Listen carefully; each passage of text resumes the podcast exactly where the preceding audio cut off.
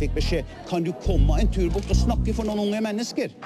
Dette har jeg ventet lenge på å si.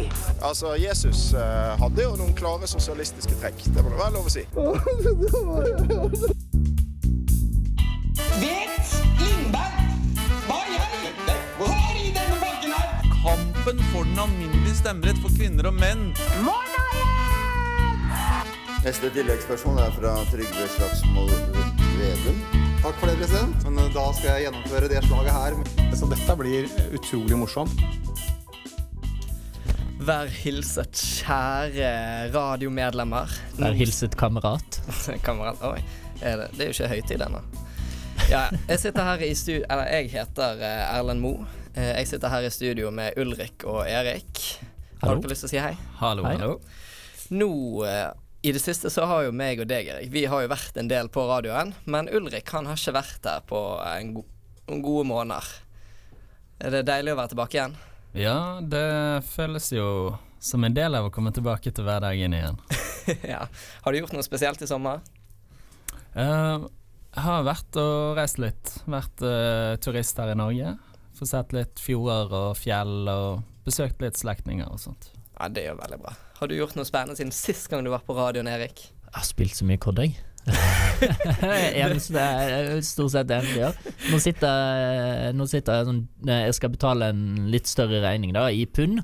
Så nå sitter jeg sånn hver halvtime og driver og oppdaterer for å se kursen på pundet, og se hvor mye jeg kan spare. så nå er han på vei opp igjen.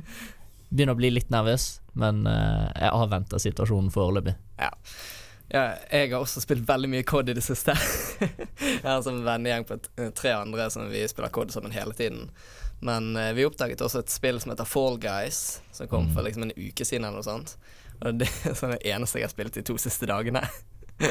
og det er så teit spill, men jeg elsker det. Og det er sånn, I begynnelsen så måtte jeg bare spamme X for å hoppe, men fordi det er skikkelig dårlige kontroller, så er det ikke alltid det går. Men eh, ja, jeg syns i hvert fall det er kjempegøy, da, selv om jeg ikke har vunnet noe ennå. Men eh, i det siste så har det jo skjedd ganske mye i norsk politikk. Det er både gamle og nye helter, det har vært eh, shaming, det har vært hatmeldinger. Ja, hatmeldinger er det jo egentlig hele tiden, tror jeg. Eh, kanskje det har vært drapstrusler, jeg vet ikke. Alltid en drapstrussel et Ja, eller annet sted. Ja, altså, jeg prøver å holde meg unna kommentarfelt på Facebook. Det er jo der det er verst. Det er underholdning.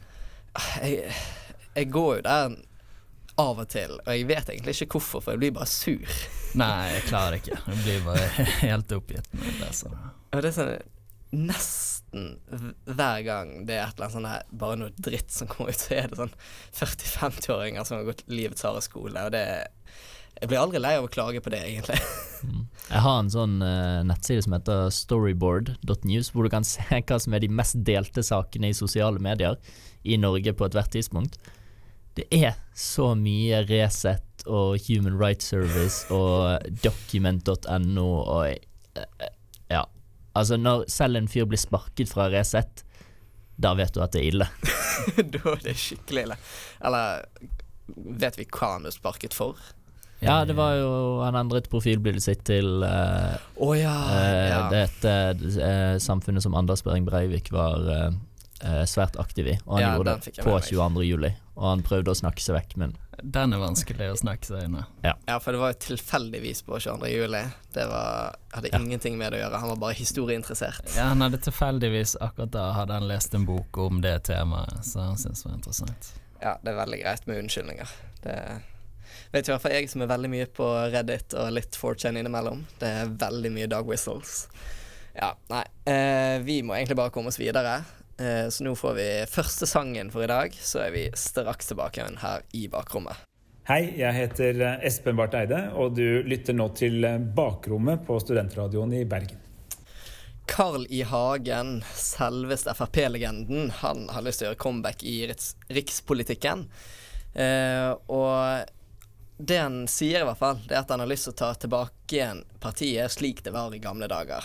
Og Erik, hvorfor tror du han har lyst til å quote ta, ta partiet tilbake igjen slik det var i gamle dager, og hva tror du egentlig han mener med det utsagnet? Altså, jeg har et veldig eh, ambivalent forhold til Carl I. Hagen. På, grunn av, på en måte så er er han en karakter som jeg føler man kanskje trenger i norsk politikk. Men på den annen side så er han jo Norges liksom svar på Donald Trump. Han er ikke like ille, selvsagt, men eh, det er en sånn mellomting der da som gjør at jeg, jeg ikke helt klarer å bestemme for om dette er bra eller ikke. Men for Frp er dette veldig bra. Fordi eh, han kommer til å ta tilbake de kjernevelgerne som de har mistet de siste årene etter at de gikk inn i regjering. Nå er de utenfor. Han kommer inn og sier vi burde felle regjeringen for å vise hvor eh, rotete det er på andre, på andre siden der, og det kan det jo være at det faktisk er, at det er rotete der. Eh, men altså Nei, jeg tror Carl I. Hagen kommer til å tilføre Stortinget noe man ikke har eh, sett på lenge, og jeg, eh, jeg tror at eh, dette her er en boost for Frp. Selv om Carl I. Hagen kanskje ikke er Siv Jensen sin største fan, så blir det, det blir spennende å se. Ja, altså, jeg, jeg skjønner hva du mener med at han er en karakter og han er litt sånn Donald Trump jr., men jeg, jeg er litt uenig i at det kan hjelpe Frp. Altså, selvfølgelig, det kom kan helt klart hjelpe på enkelte litt sånn eldre som savner litt sånn eh, nasjonalkonservativ Altså, jeg skal ikke si nasjonalistisk, det blir feil ord, men litt sånn i den retningen, kan vi si, da. Mm. Men samtidig så har jeg jo skjønt at det er ganske mange unge Frp-ere som er ganske lei han.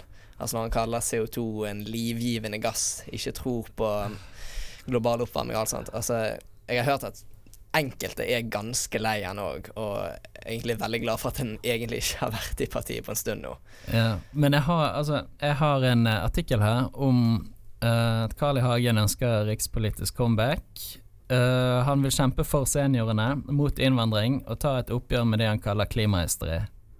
Men denne her artikkelen er datert til 2016, når han ble valgt inn på fjerdeplass til Oslo Frp. Og han har jo vært Han har møtt som uh, vara for når Siv Jensen var i regjeringen. Så har han møtt som vara. Så jeg, jeg, vet ikke helt hvor stor endring det her vil bli. Det, han vil jo være tydeligere antagelig i opposisjon nå, hvis de ikke er i regjering. Men utenom det så vet jeg ikke om det har så mye å si, altså. altså jeg tenker det handler jo veldig mye om hvor mye medieoppmerksomhet han får. Altså Hvis ingen gidder å skrive om han, altså da får han jo veldig lite påvirkningskraft. Altså Trump hadde aldri vunnet hvis ikke alle medier skrev om han hele ja. tiden i halvannet år eller noe sånt. det er helt sant. Og jeg eh, Altså, jeg tror, som du sa det, jeg tror de kommer til å tape unge velgere på det, som går til høyre, kanskje til og med venstre. Uh, ja, I hvert fall de som ikke er så mye på den nasjonalkonservative, men mer ja. på uh, bare liberalisme. Bård Hoksrud-gjengen, liksom. Ja. ja. Men så, eh, men så, har du da Carl I. Hagen uh, og Sylvi Listhaug-gjengen, som uh, har gått til Senterpartiet. og jeg tror, det, jeg tror, det, er der de henter velgerne sine, da. Og så hadde det ikke overrasket meg hvis de tok noen av Høyre-velgerne også. ja. Jeg, jeg, er sånn usikker på hva han mener med å, altså, gamle dager. Altså det kan, En ting kan jo bare være at han skal ta liksom, de klassiske Frp-sakene og være et opposisjonsparti. Men Altså, jeg, jeg, er litt usikker på hva han egentlig mener med gamle dager, da. De hadde jo 30% for en 15 ja, års tid siden. altså om det er kun det han mener, eller altså fordi jeg føler at Eller jeg tenker at Frp har jo egentlig ikke endret seg så mye, bortsett fra at de har vært et regjeringsparti. Det har egentlig vært den eneste store forskjellen. Ja, det er vel mer det, gjerne, at jeg har det tilbake til et parti som mener mye, og mener det er veldig sterkt. Ja. At, at, eh, det har man ikke kunnet gjøre i regjering. Og han har jo vært imot regjeringsdeltakelsen hele tiden, tror jeg, fordi han har ment de har fått for lite gjennomslag. Ja, jeg tror, jeg tror det stemmer. Men, men det, han er jo Altså, han er jo den viktigste personen i Frp sin historie. Men han henger jo liksom over de nå som en sånn syvende far i huset som ikke helt vil gi seg, og som selv når han ikke har vært inne på Stortinget og sånn, så har han jo hele tiden kommet med innspill og kommentarer og sånn. Og er du Siv Jensen, eller hvem nå er som kanskje tar over etter Siv Jensen, så er det veldig vanskelig å skulle forme et nytt Frp, eller prøve å modernisere det. Ja. Når du har en en som var der i glansdagene, øh, og som vil ha tilbake det der, men også ikke la deg prøve å få til noe nytt ennå. Ja, men jeg, jeg tenker det, det blir spennende å se om det faktisk skjer noe som helst Uh, altså For min del så håper jeg at han ikke klarer å få tilbake så mye prosent der, men ja ja. Han skal kommer helt sikkert til å prøve, da. Men uh, om et par straks så kommer vi til å snakke om et annet comeback i et annet parti. Så stay tuned. Mitt navn er Bjørnar Moxnes, og du lytter til eh, Bakrommet i Studentradioen i Bergen. Apropos eh, comeback i politikken. Godeste Trond Giske, han eh, vurderer jo, eller det kan jo faktisk være at han kommer tilbake igjen i rikspolitikken nå. Og det har jo vært et par skandaler, kan vi si, eh, med hans navn i overskriften. Ja. Eh, Jo, et par. ja, mul muligens. Eh, men la oss bare anta nå at han faktisk blir med videre, og vi kommer til å se mye av han i politikken. Og Ulrik, tror du det er en god eh, idé for Ap å gjøre det, eller tror du det bare fører til at den trenden Ap har vært i, bare fortsetter? Um, jeg tror for Arbeiderpartiet utad er det egentlig en bra ting. Jeg tror han er en som har veldig bra velgertekke, og han når, opp, han når frem til en del velgere som mange andre i Arbeiderpartiet ikke gjør. Men innad i partiet kan det jo fortsette med urolighetene som vi har hatt. Ja, hvem velgere tenker du at han får kontakt med som andre ikke får? Altså, han er, er kanskje det beste den beste politikeren deres til å nå ut i distriktene. De eh, velgerne som de kjemper med Senterpartiet om å få, f.eks. Er det fordi han har dialekt? Det hjelper at, hjelper at du ikke kommer fra Oslo, i hvert fall. Ja, det gjør i hvert fall det. Hva, hva tenker du, Erik? Jeg tror dette kommer til å ha nøyaktig samme effekt som Carl I. Hagen uh, sitt comeback kommer til å gjøre. De kommer til å vinne de eldre Senterparti-velgerne i uh, distriktene, og de kommer nok til å tape ganske mange unge velgere. Men i motsetning til Frp så tror jeg at det samlede, uh, den samlede oppslutningen blir eh, negativ og ikke positiv. Fordi eh, Trond Giske har fått så mye negativ medieoppmerksomhet, og når tåkefyrsten Vingle-Jonas eh, ikke, mine, på, ikke eh, mine kallenavn. Ikke mine kallenavn. Eh, kommer, kommer og liksom nekter å svare på spørsmålet, eller eh, ikke, ikke gir et klart svar, da. Så ja, eh, altså, det er en av grunnene til at jeg eh, trekkes mye mer mot SV, som nå jeg er medlem av, i stedet for Arbeiderpartiet. For jeg, jeg opplever at Ap de mener egentlig ingenting. Og det er overraskende ofte når jeg treffer folk på fest, så sier jeg 'Å ja, du er politisk interessert'. Det er jeg òg. Og så, så stemmer de Ap. Så spør jeg 'Ja, hvorfor det?' Og så er det litt sånn 'Ja, alltid stemt det'. Mamma og pappa stemmer det. Og så 'Hva mener du, da?' Ja, det er jo fint med Arbeiderpartiet, da. Det er en fin logo, liksom. Og det, det irriterer meg litt òg at uh, de har gjort så sinnssykt mye bra for Norge, og de har hatt så sentral plass i Norge etter andre verdenskrig. Men så er det bare liksom Høyre light. Høyre uten kullsyre, liksom. Altså det, det irriterer meg faktisk. Men Giske er jo blant de som er på venstresiden der, da. I partiet, gjerne. Men uh, så er det jo gjerne mange av de yngre på venstresiden i partiet der, som er de som er de sterkeste motstanderne hans. og- Ja, jeg, jeg er litt enig med deg at Altså deg, Ulrik, at jeg tror at det Utad så ser Jeg tror ikke det kommer til å se veldig bra ut. Og det er sånn tror, De fleste som er ikke sånn kjempepolitisk interessert, kommer til å tenke Giske Sexual predator, nesten. Altså skandale. De kommer ikke til å tenke så mye politikk. Ja, fordi personfokuset her i Norge er jo ikke like stort som det er i andre land. Men eh, det også er jo at uh, han er jo fra Trøndelag. Han uh, blir vel uh, med i en høyt stående posisjon i Trøndelag Ap, sannsynligvis. Og jeg, Trøndelag er jo jeg Nå ble jeg litt usikker på innbyggertallet, men hvis jeg ikke tar helt feil, så er jo Trøndelag det fylket, eller den valgkretsen, hvor Ap fikk størst oppslutning, da. Altså der hvor de var større enn Høyre, sånn ja, størrelsesmessig. stemmer. På grunn av Høyre størst i Oslo, Hordaland. Litt usikker på Akershus. uh, størst i Rogaland, og så kommer Trøndelag etter det, da. Ja. Ja, det blir jo uansett spennende å se hva som skjer, da.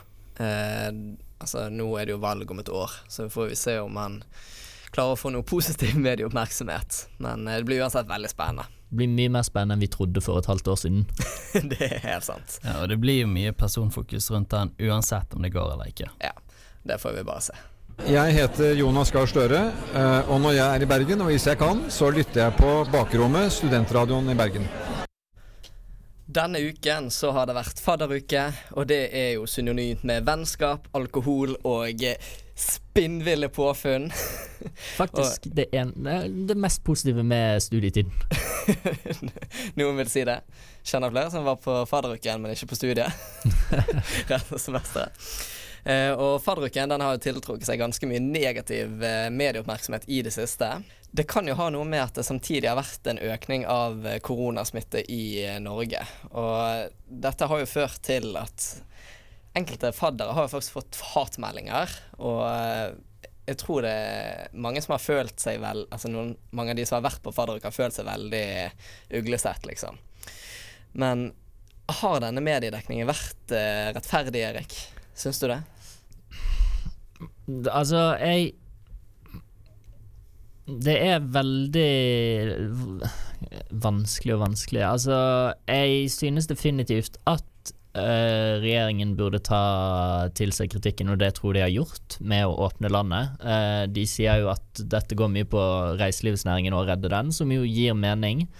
Men samtidig så uh, tror jeg nok at de som reiste til utlandet med en gang Jeg dømmer Uh, de har nok skyld for noe av smitten som kommer inn, men også ungdom som gir faen, for å si det rett ut. De har nok også skyld, de også. Uh, det er ikke av utenlandsreisende at ungdommen sprer smitte nå. Og jeg kjenner folk som altså, samler seg 30-40 stykker inn på en 50, meter, 50 kvadratmeters leilighet og kjører på, liksom. Altså, det, det er jo ikke rart.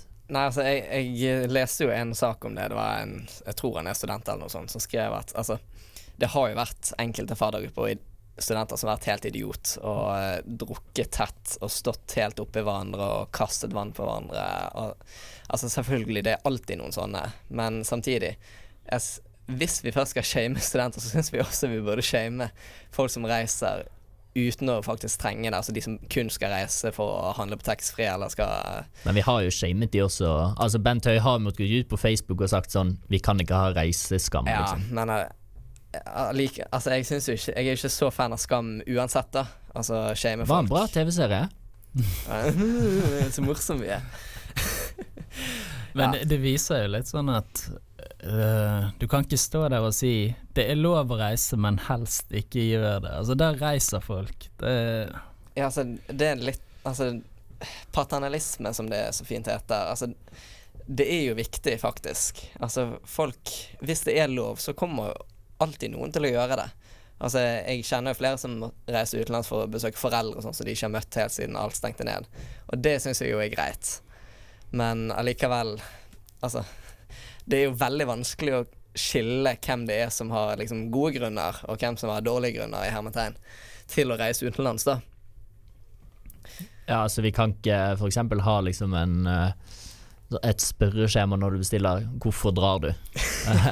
altså det, det, er en ganske autoritær ting å gjøre, da. Og, jeg, men uh, man burde bli bedre på å teste på flyplasser. Ja, så jeg tror vi kunne gjort en mye bedre jobb der, med f.eks. som du sier, teste når de kommer tilbake igjen. Kanskje sette alle i karantene, altså bare ditche alt det der grønt land, gult land og sånt. Bare anta at alle sammen kan ha blitt smittet. Sånn at alle er nødt til å sitte i karantene eller noe sånt. Altså, jeg tror i hvert fall det hadde vært mye bedre. For det var jo enkelte byer, som i Bergen i starten, så var jo fire-fem tilfeller importtilfeller. Og det er jo ikke veldig gøy. Nei, og de fikk jo Nå har de jo smittestasjoner på Flesland og Gardermoen, men uh, De kom litt seint, da. Ja, de kom ja, altfor seint. Litt tid før jeg kom, plutselig. Og de er ikke så uh, Ok, den på Flesland tror jeg har blitt bedre, men det har vært tilfeller hvor den har blitt uh, oversett, ish. Ja, altså jeg er litt pessimistisk, og jeg frykter at om et par uker så kommer det til å være en ny nedstengning. Jeg tror ikke det kommer til å bli like ille som i mars. Men jeg tror det kommer til å være ganske mye mindre tilbud rundt om. Men eh, jeg håper Altså, jeg er jo andreårsstudent nå, da. og det er jeg egentlig veldig glad for, for jeg fikk jo med meg fadderuke og sånt. Og det er jo utrolig viktig med fadderuke. Og i hvert fall hvis du er Altså, jeg bor jo i Bergen fra før av, og har jo venner her fra før av. Men hvis jeg hadde reist til typ Oslo eller Trondheim, helt ny by, det er jo kjempevanskelig å bli kjent med folk. Ja. Det er et veldig viktig opplegg for å komme inn i et nytt miljø som student. Det er det. Um, men det må være lov å tenke seg litt om også når man driver på med feiringen her. Ja, altså Det er jo selvfølgelig vanskelig, og jeg hørte noe kritikk fra U eh, faddere på UiB at de hadde fått veldig lite info fra universitetet. Og selvfølgelig, jeg skjønner at det er vanskelig. Og HF eksempel, de slet ganske mye med å få faddere, så de hadde egentlig litt for få faddere, og de skulle gjerne hatt mer. Og det var jo faddere som meldte seg før man visste noe om korona. Sant? Ja, men uh, de, de, hadde jo På slutten så var det helt krise, så da tilbød de 800 kroner til alle som meldte seg som fadder den dagen. det er ganske sykt. Men de, de, fikk heldigvis fylt opp en del, da. Men eh, altså Det er jo ikke like gøy med en fadderuke uh, som er helt fri for alkohol. Altså Det kan jeg innrømme, liksom. Altså Jeg syns det er gøy med alkohol. Altså rusmidler, yeah. Ja, men, men, men samtidig, jo... så med tanke på at vi er i en pandemi, så tror de kunne kuttet litt ned på det. Og kanskje hatt færre fester, eller mye mindre i hvert fall. Ja, det er jo litt det. Jeg har jo sett mange som har vært flinke, selv om de har drukket men så når de har vært ute i parkene og hatt uh, bra med, med uh, mellomrom mellom seg og sånt. Men ja. så ser du jo noen som ikke er like flinke, og du hadde jo et eksempel her. Det var en student som hadde vært og testet seg, og så gikk han tilbake på fest før han hadde fått svar. Ja, åh, jeg ble så oppgitt da jeg leste det.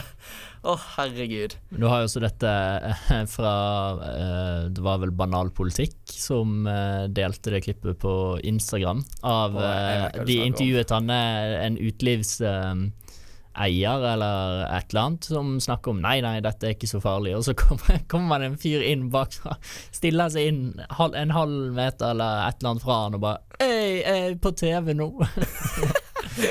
ja, ja.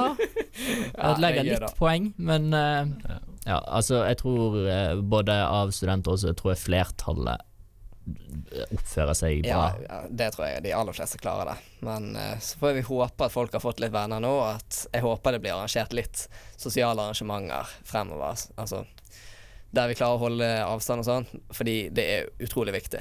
Men uh, nå må vi gå litt videre, så skal vi snakke om munnbindgate når vi er tilbake igjen. Mitt navn er Peter Frølik, og du lytter til Bakrommet på studentradioen i Bergen. Mange land de har, eh, i hvert fall en periode nå, anbefalt innbyggerne å gå med munnbind når de er ute av huset, og spesielt når de er på type eh, eh, butikken eller bussen, der, der, de kan treffe mye mennesker, rett og slett.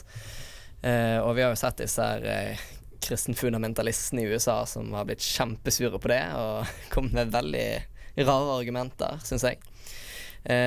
Eh, men frem til i dag så har jo ikke Norge kommet med noen anbefaling om å bruke munnbind, bortsett fra på fly, tror jeg. Der har det jo vært eh, obligatorisk. Eh, men nå så har det kommet et par anbefalinger, i hvert fall i Oslo kommune og Indre Østfold, var det det, tror jeg? Eh, når du er på bussen og sånn, eksempel.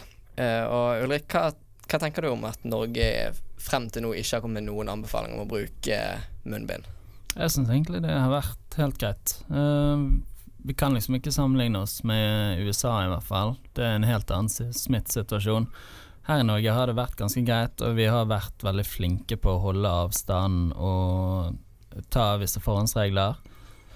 Men så må vi selvfølgelig vurdere, hvis det nå begynner å blusse opp igjen, så kan det jo fort bli aktuelt det virker jo nå som det kan komme flere steder også, at uh, på kollektivtransport f.eks. så bør man bruke det. Men ja. til nå syns jeg det har vært greit at uh, vi ikke har hatt noen anbefalinger på det. Ja, jeg tok jo bussen uh, her til studentsenteret i dag, og da, på den ene bussen jeg tok, så var det ganske mye folk, så da, jeg hadde med meg, da, så jeg tok på. Og det er litt sånn uvant i begynnelsen, da, men altså, det er jo helt greit, egentlig. og jeg skjønner ikke helt de der i USA som tørner helt, fordi det er helt forferdelig å gå med maske. Nei, som de Face mask. På norsk er det munnbind. Uh, og jeg, jeg, er jo litt enig i at altså, frem til nå så har det ikke vært så stort behov, for vi har vært flinke til å holde avstand. Og vi har gjort som myndighetene har sagt, og det gjør vi jo gjerne fordi vi stoler på dem. Vi har mye tillit, som vi har snakket om tidligere i uh, dette programmet. Problemet er jo at uh, det er ikke på butikken at smitten skjer. Nei. Kanskje på kollektivtrafikk, men altså vestkantfester Det kommer ikke til å være munnbind på der, liksom. Altså Hvis du får det til å bli et eller annet sånn statussymbol, så kanskje. Det er Altså, vanskelig å drikke med munnbind på. Det. Men altså, det, det er jo et eller annet selskap, jeg husker ikke hvem det var, men de har jo prøvd å lage sånn eh, diamantbelagt munnbind som du kan bruke flere ganger, som skulle koste et par millioner. altså, hvis det er det som må til, altså Et lite Gucci-munnbind der. Ja, altså det, Jeg er litt overrasket over at uh, det ikke er masse butikker i Norge som bare lager sånne gjenbrukbare munnbind. Altså Det burde jo være big business nå, tenker jeg. Men- Sikkert dyrt å produsere de også. Eller blitt dyrere. Ja, altså, det kommer, altså Hvis du skal ha sånn medisinske, da er det jo sikkert dyrt. Men hvis det bare Det sånn kommer jo litt an på hvor mye man betaler barnearbeiderne, selvsagt. ja. Nei, det er så synd på de, da. Nei, men jeg, jeg, brukte, jeg brukte munnbind før for jeg flydde fra Oslo til Bergen. Og der Når du satt på fly, så syns jeg det var veldig greit at vi hadde det. Og der, så der sitter man jo så tett at uh, det er veldig nødvendig. Og det er jo det jeg tenker hvis det kommer på kollektivtrafikk òg. Um, Iallfall hvis de nå har åpnet opp litt mer på uh, setene på bussen, og sånn at ikke uh, annenhver er sperret, så si, kan man sitte ganske tett der i rushtiden. Ja, i hvert fall skulder til skulder. Ja, sant. Ja, altså, jeg er litt sånn jeg, jeg vet ikke helt hvordan jeg skal si det, men Jeg skjønner på en måte ikke at de bare har sagt altså det kan være greit å ha, liksom. Altså det kan jo ikke skade. altså Forskningen er jo litt delt. altså Noen mener at det er nesten ingenting å si, og noen mener at jo, det har faktisk ganske mye å si. Så det er jo ikke helt, det jo ikke helt uh, sikkert uh, hvor mye det hjelper. Men jeg tenker sånn, det kan jo ikke skade heller, da. Men det er jo ikke noe hinder for å bruke den nå. Nei, jeg, nei. tror, jeg tror faktisk Hvis du bruker det nå, før det er blitt anbefalt, så har det egentlig For deg har det i hvert fall en positiv effekt. For folk kommer til å unngå deg og være veldig sikre på å holde denne meteren. Ja, for det, det var noe jeg tenkte på at uh, når jeg satt med det, det Jeg var eneste på bussen som gjorde det, så jeg satt sånn og tenkte Er det ingen som setter seg ved siden av meg fordi jeg går med munnbind Og det er jo helt supert med meg. Altså, for det er jo jeg, Altså, jeg bryr meg jo egentlig ikke, men det er jo litt digg når du slipper å gå forbi noe når du skal av, liksom. så win-win for meg, i hvert fall. Men eh, ja, vi, vi får se hvordan det går. Eh, jeg har i hvert fall lyst på eh, at noen youtubere lager litt sånn munnbind-merch. Det kommer i hvert fall jeg muligens til å kjøpe. Men ja, vi, vi er straks tilbake igjen her i bakrommet og snakker om andre spennende saker. Mitt navn er Sveinung Rotevatn. Du lytter nå på Bakrommet på Studentradioen i Bergen. I går så var det partilederdebatt fra Arendalsuken, og Erik, du er den eneste av oss tre som faktisk så den i går. Eh, og under denne Jeg har jo fått med meg noe av den, da. Eh, så ble jo eh, rød-grønn regjering et tema. Og hva, hva tenker du om det? Altså, Senterpartiet claimer jo nå at de er det eneste skikkelige sentrumspartiet igjen. Og at de går til valg på en Ap-Senterparti-regjering. Um, Arbeiderpartiet Jonas Gahr har jo sagt tydelig fra fra starten. Uh, Rødt og MDG uaktuelt. Men uh, han er åpen for en Stoltenberg-regjering. Men Trygve Slagsvold Vedum svarte ikke skikkelig på spørsmålet om han ville ha med seg SV. Og det er jo liksom den store elefanten i rommet, da. Om uh, de er villige til å ta med seg SV. På grunn av, de hadde også en sånn duell mellom Trygve Slagsvold Vedum og Une Bastholm, og de er uenige i alt. altså, det blir noe, det blir ikke noe samarbeid der. Og så kommer det an på da hvor høyt verdsetter SV miljø. Audun Lysbakken eh, fridde jo til hele eh, venstresiden med Rødt, MDG, Ap, Senterpartiet og var sånn Jeg vil at alle skal samarbeide, jeg. Og det er sånn En fempartisregjering Det hadde, vært, det hadde vært gøy å se hva som hadde skjedd, da. Det hadde vært veldig gøy å se. Og det er jo det tilbake, det til ja, Tilbake til Carl I. Hagen. Han sa jo at uh, han mener at regjeringen burde felle seg selv, ish. Med at Frp burde skippe det ut når statsbudsjettet kommer i september, nå til høsten. Med, sånn at man kan få se dette rød-grønne kaoset før valget, da, og ikke etter valget. Som er forståelig nok, sånn sett. Det er jo politisk spill. Ja, Helt klart. det er det. Og man ser jo på meningsmålingene også at uh, jeg tror Carl I. Hagen sin drømmeregjering, eh, Senterpartiet, Frp og Høyre, er mulig. det er et alternativ. Men uh, da blir det nok fort et regjeringsskifte neste gang, i 2025. Ja, det, det er jo litt kaos på begge sider uh, akkurat nå i forhold til hva en eventuell regjering skal bli. Um, og uh, den fempartiregjeringen, den virker jo veldig litt sannsynlig. Da måtte det jo eventuelt blitt noe sånn som vi så i begynnelsen her, med eh, noen partier i regjering og noen som har et slags etablert, fast samarbeid. Men det også virker jo veldig vanskelig å få til med denne gruppen. Ja, altså, når, norsk politikk nå er veldig vanskelig, og du har liksom ikke noe sånn helt klart regjeringssamarbeid. Og det blir jo veldig bingo, egentlig, hva, hva som kommer til å skje etter valget neste år. Men eh, jeg tenker det har mye å si eh, hvor mye Arbeiderpartiet og Senterpartiet får. Og ikke bare totalt prosent, men hvor mye de får i forhold til hverandre. For de siste så er, altså, de har jo vært jevnstore på nesten hver eneste. Og det Jeg har i hvert fall ikke sett eh, i min levetid noen eh, eh, regjeringspartier som er helt store, altså der de største er helt like. Og, Nei, det altså, spørs jo det. Ja. Eh, nå var det jo en måling her tidligere i uken hvor eh, Senterpartiet, Arbeiderpartiet og SV til sammen, de tre, hadde flertall. Det kunne jo gjort ting lettere for eh, Jonas Gahr Støre. Men eh, så lenge de trenger antagelig både Rødt og MDG, så skal det bli vanskelig. Ja, det tror jeg òg. Men jeg hører også litt snakk i kulissene om at uh, Ap kanskje ikke får statsministerposten. at, uh, Senterpartiet ikke kommer, altså at Senterpartiet kommer til å selge seg dyrt på den. Fordi det er jo ikke nektbart at Trygve Slagsvold Vedum er en mer populær politiker enn uh, Jonas Gahr Støre. Han er jo en populist, det er jo ikke til å nekte på det heller. Eh, og det har nok litt med saken å gjøre, at han er litt mer karismatisk og eh, appellerer mer til sine velgere, men eh, Han har jo mye bedre latter. Det, det er ikke sikkert det hadde vært den dummeste ideen heller. Da. Det kan jo bli litt sånn som Bondevik-regjeringen, hvor eh, KrF fikk statsministeren, men Høyre satt jo med finansminister og utenriksminister og de fleste av de aller viktigste postene. Ja, så det, det kunne jo faktisk gjort at de fikk lettere med MDG på enkelte saker. Altså hvis eh, Trygve blir statsminister, så må de liksom gi litt opp eh, altså, det å være mot miljøet, nesten. Mm. Altså Det kunne jo faktisk ha fungert. Ja. Veldig trist, eh, for det, da hadde jo Jonas Gahr Støre vært en av de veldig få Ap-lederne etter andre verdenskrig som ikke får bli statsminister.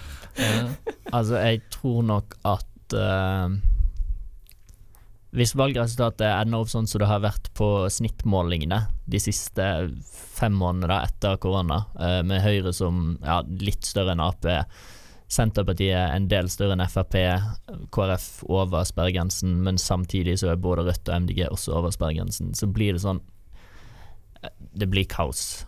Og jeg- det kommer til å Det blir litt sånn Sverige-tilstander, da. Nesten. Ja, ja, ikke helt, tror jeg, men litt, litt sånn tendenser, kanskje. Skal ikke se bort ja, Jeg tror KrF korta fort kan ende opp med å bytte side og vi får den Knut Arild Hareide, Senterpartiet, Arbeiderpartiet, KrF-regjeringen. Ja, jo, kanskje det. Men uh, det blir jo veldig spennende å se om KrF og Venstre i det hele tatt kommer over sperregrensen. Ja da, og Rødt ligger jo liksom over nå, men har jo en del målinger under. Og har jo pleid å havne under igjen når det er valg. MDG går jo litt opp og ned, de også. Så det er jo veldig stor usikkerhet her. Ja, altså både spesielt Rødt og MDG, egentlig. Det er veldig bingo, egentlig. Altså, det tror jeg er noen av de som varierer mest. Begge de lå jo over lenge før forrige valg, sant? så plutselig havner begge under. Og sånne skifter er det jo plutselig går fra én eller to til eh, syv, åtte, ni, ti representanter. Ja, altså, men det er jo alltid sånn egentlig at du ser at meningsmålingene Altså de beste meningsmålingene er jo de som er rett før valget. Altså, det er jo som oftest det. Altså, en valgkamp kommer til å knekke Rødt. Rødt har ikke Altså, de klarer ikke å mobilisere. Det er litt sånn som Nei, bompengepartiet. Altså, de har jo Norges kjekkeste kommunist, så det kan jo gå. Men eh, Ja. det, dette får vi ta en annen gang, så blir det veldig spennende å se neste år. Mitt navn er Audun Lysbakken. Nå lytter du til Bakrommet på Studentradioen i Bergen. Det er fredag, og det begynner å nærme seg eh, klokken fire. Dette, dere skal bare høre på oss et par triste minutter til. Erlend, nå må du slutte å underselge her. Ja, vi er Norges beste journalister, eh, og eh, vi er helt nøytrale i absolutt alle saker. Eh, Erik, hva skal du i helgen? I helgen så eh, skal jeg eh, betale en regning, og jeg sitter nå Jeg skal betale i pund, da. Åtte-syv Ja, mye Ja. pund. så jeg sitter sånn og oppdaterer hele tiden eh, eh, kursen for Ja. å betale så lite som mulig. Ja, du har kommentert det i hver pause nå. ja, ja. Så eh, da vi begynte på sending, så var han på 11,70. Nå er han nede på 11,68, så der har jeg spart en 100, 100 kroner ish. Eh, så det blir veldig spennende, da. Det er det, det jeg skal gjøre i helgen. Og som jeg sa i introen, skal jeg spille masse på COD. Hva skal du da, Ulrik? Uh, jeg skal ikke på fadderfest. uh, men uh, ellers har jeg ikke så veldig mye planer for helgen. Nei, ok. Nei, jeg kjøpte jo nettopp de to eh, siste bøkene som er pensum. Og ene, ene boken det var sånn hjelpebok til eh, Immanuel Kant-boken. Og hjelpeboken var 450 sider, så den er lengre enn nesten alle de andre bøkene på pensum. Og jeg kjenner jeg gruer meg så sinnssykt mye. Og han er så jævlig å lese. Åh, vi Er det dyre skolebøker, eller kjøpte du brukt, kanskje? Nei, jeg fant ingen brukt, så jeg måtte kjøpe alle nye. Men Ja, eh, av de ti filosofistudentene, så var det vanskelig å finne. Vi har faktisk flere filosofistudenter. Å ja, 15, sorry. 12. Nei, vi får se hvor mye folk det blir. Men Ja. eh, det er i hvert fall en del som skal fortsette det, eh, dette semesteret, da. Så eh, Men eh, jeg skal også spille masse COD, merker jeg, og mye Fall Guys. Eh, jeg vet ikke om jeg kommer til å vinne noe, men jeg skal Hvis du kommer tilbake neste uke uten å ha vunnet i Fall Guys, da skal jeg bruke hele sendingen på å mute mikken din hver gang du sier noe. Jeg skal ikke komme på sending. Jeg skal bare sitte i produsentbuen og bare eh, prøve å distrahere deg. Vi får se, vi får se. Det blir et uh, hardt diktatur de neste ukene. ja, fordi du har jo ikke sånn kjempelang tid i bakrommet igjen. Nei, jeg eh, skal flytte om eh, en måneds tid. Eh, leien er den regningen jeg skal betale, til en veldig liten leilighet i London. Det er dyrt, for å si det sånn. Så det blir spennende, men nå skal jeg bruke siste tiden på å influense redaktøren vår så, så mye. eh, nok til å få inn masse liberalkonservative mennesker for å balansere ut uh, min store stemme med flere store stemmer, sånn at, jo- sånn at Erlend ikke skal ha sånn kommunistisk runkering uh, sammen med Skal det noen være nye lov å være medlemmer. milliardær? Mm. Masse filosofi og er det så forferdelig, da? Ja, kan, kanskje for andre. Eh, nei, jeg skal, jeg skal prøve å begrense meg litt. Men eh, Ulrik, du skal jo i hvert fall være med dette semesteret. Ja, jeg blir ikke kvitt meg så lett. Jeg tenkte jeg skal være med en stund til. Ja, det blir forhåpentligvis veldig, veldig gøy. Og vi skal jo få et par nye medlemmer òg. Og det er jo store sko å fylle etter Erik eh, Veggen Reidarsen. Jeg har kontaktet halve Unge Høyre, så jeg skal love deg at eh, du, eh, du får ikke en enkel jobb med å ytre dine meninger det neste halvåret eller Eller? Bare Å nei, jeg glemte å sende melding om at det skulle være møte denne uken. Oh, det var veldig dumt. Å ja, vi er i desember, og du er fortsatt ikke med i gruppechatten. Sorry. Oi, shit. Å ja, du var ikke med på bildedagen. Det var Det veldig var dumt. dumt. Nei, men det, det blir jo alltid spennende å se hvilke nye folk vi får inn her. Ja, og så får vi se hvordan pandemien utvikler seg. Det er helt sikkert mye å snakke om der. Og eh, så er det jo alltid gøy med spekulering rundt neste valg, som bare er et år til. Ja, altså, mener det, det er det er jo ikke så lenge igjen før vi faktisk begynner med litt valgkamp, så det Altså, Ja. jeg skal love deg at uh, mitt semester begynner ikke før i september, så når jeg er på ferie her i august neste år, da skal jeg tvinge meg inn, altså. Ungun points. Ja. Nei, men eh, det blir, det blir jo veldig spennende. Jeg skal jo muligens eh, prøve meg som eh, politiker, det får vi se. Jeg skal i hvert fall prøve å komme på et par møter i SU, se om det blir noe av. Men ja, det blir i hvert fall en spennende høst, så det ser vi frem til. Så skal vi si noe Går det an å si noe annet enn tre av? Ha det bra, kamerater. Ha det bra. Da snakkes vi neste uke, forhåpentligvis.